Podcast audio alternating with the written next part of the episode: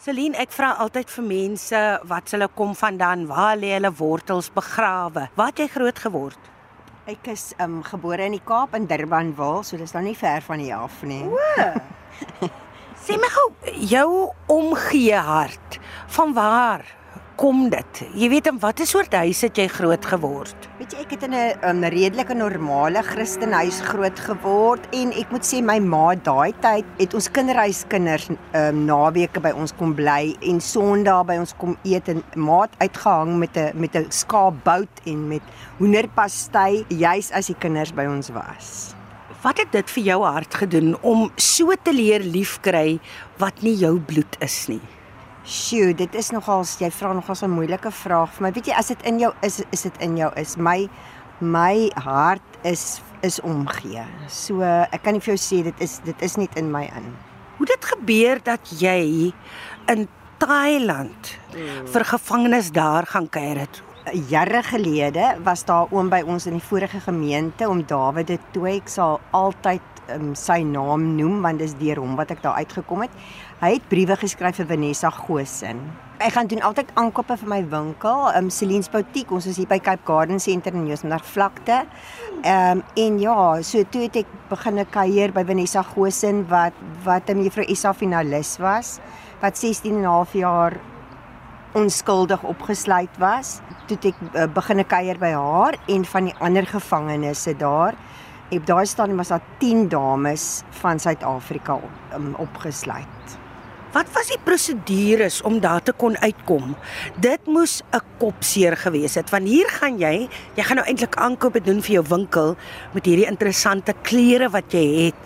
Jy sien my mond hang altyd oop as ek daar instap. En nou gaan jy om so iets te doen en iets heeltemal anders kom oor jou pad. Dit is nogals 'n prosedure. Ons moes ambassade toe geskryf het. Ons moes um, 'n um, nederig versoek het om vir die by die gevangenes te gaan besoek aflê het en die eerste keer toe ons daar uitgekom het, um, was dit 'n besoek waar jy sê jy sit omtrent 5 meter van die gevangenes af. Jy skree vir mekaar goed. Ehm um, daar's 'n glas tussen jou, daar's draad tussen jou en dit was dit was net ehm um, heeltemal mal. Ons ken nie so iets in Suid-Afrika nie. As jy 'n besoek gaan aflê by iemand in die gevangenis, gaan sit jy by hom by 'n tafel en jy kuier by hom by 'n tafel daar bestaan nie so iets nie. Hulle het een keer 'n jaar kontak besoek en gewoonlik word net die families dan genader om om te kan kontak besoek. Ek het al kontak besoek afgelê by van hulle wie se families dit nie kon maak nie.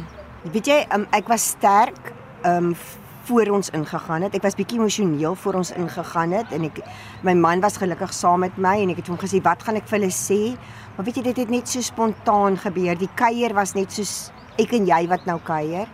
Maar toe ek daar wegloop, het daar 'n stortvloed van trane oor my gekom en dit was dit is emosies wat jy nie kan beskryf nie. Toe die taxi ons toe ons wegry met die taxi, weet ek, was ek heeltemal ek het uitmekaar uitgeval. Hoekom is dit so? Wat het jy beleef dan daar? Weet jy, hulle gevangenes is heeltemal derde wêreldse gevangenes. Die mense slaap op die vloer. Ek kan nie vir jou sê hoeveel in 'n sel nie, miljoene in 'n sel. Hulle slaap so sardientjies ingeryg. Um hulle kry 'n handdoek om op te lê, hulle kry 'n handdoek om onder hulle kop te sit vir 'n kussing en 'n handdoek om oor hulle bene te gooi. 'n Badgeriewe bestaan nie. Dit is dis 'n skotteltjie wat hulle vir hulle moet nat gooi mee, koue water. Gelukkig is 'n warm land, so die koue plaan nie so erg soos by ons dit by ons plaan nie. En dan die kos is eintlik hulle kan dit eintlik nie eet nie. Die die rys word oor en oor in dieselfde kastrolle gekook. Hulle kry lewende organismes tussen dit en dan kry hulle waterige sop saam met dit met met chillies en visgrate en hoenderkoppe en dis regtig die afvalkos wat hulle kry om te eet. Maar weet jy wat, nie een van hulle het ooit gekla nie. Hulle was net so dankbaar vir besoeke. Dit was net soos 'n hulle kan nie glo dat jy bereid is om jou tyd af te staan en vir hulle te kom besoek nie. En uit dit uit het dit toe gebeur dat ek um begin uitreike reël het Thailand toe. Nie net vir die gevangenes nie, daar toe nou meer dinge gebeur. Ja. Vertel my 'n bietjie daarvan. Ehm, ja, so so besoek ons dan die volmaan partytjie in Kaupangan, die eiland.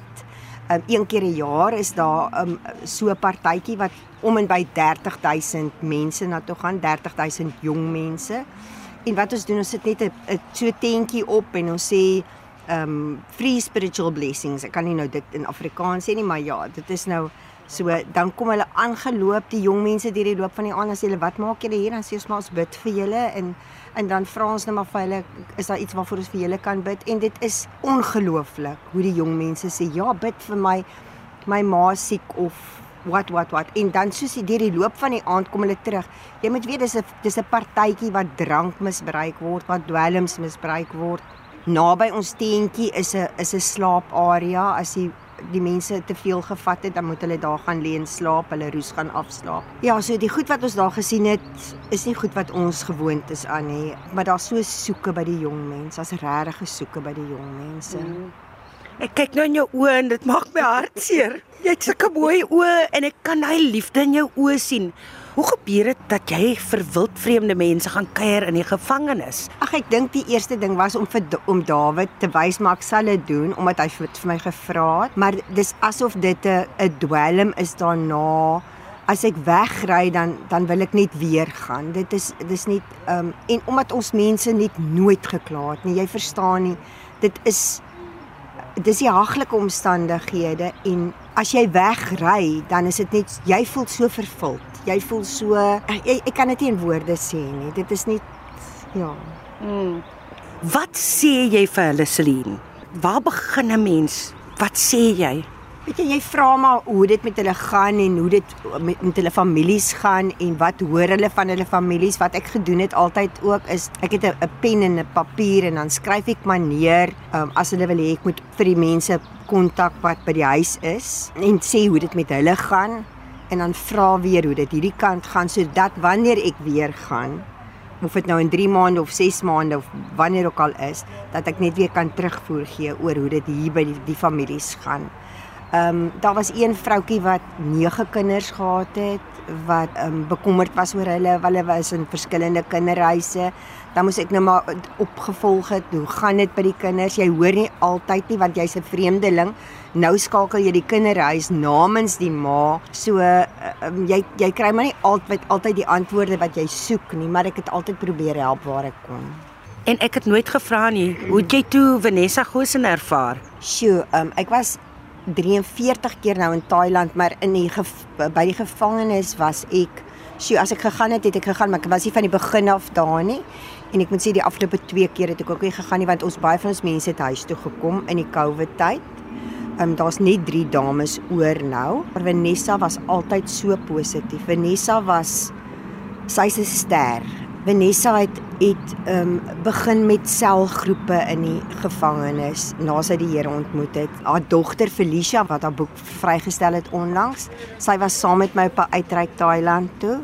Ehm um, en dit was vir haar ook wonderlik om weer in die by die gevangenis uit te kom en sy het heling gekry.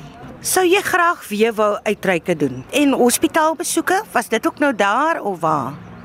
Ja, hospitaalbesoeke is ook daar. Ehm um, en nie dat ek nie hier hospitaalbesoeke doen nie, maar weet jy wat, dit is dit maak dit net so anders as jy in die buiteland is en hulle lê partykeer langs die beddens en onder die beddens want daar is net nie genoeg beddens soos maar by ons ook maar hulle het so honger na iemand wat net wil omgee en dis nie dat ons so oulik is nie maar ons het al ingegaan dat dat die hospitaal vol is en dat daar nie plek is nie en as ons 'n tweede keer dan dan bid ons vir die mense en dan as ons 'n tweede keer gaan dan is die hospitaalbeddens leeg. So dit is nogals lekker om dit te ervaar. Ehm um, is jy nou rustiger nê? Nee? Ja, COVID het maar bietjie by ons kom steel en dit gemaak het ek nie meer so kon reis soos wat ek van tevore gereis het nie, maar ek dink 2024 gaan vir ons weer 'n nuwe potensiaal inhou om uitreike weer te neem, um veral na die volmaanfees toe.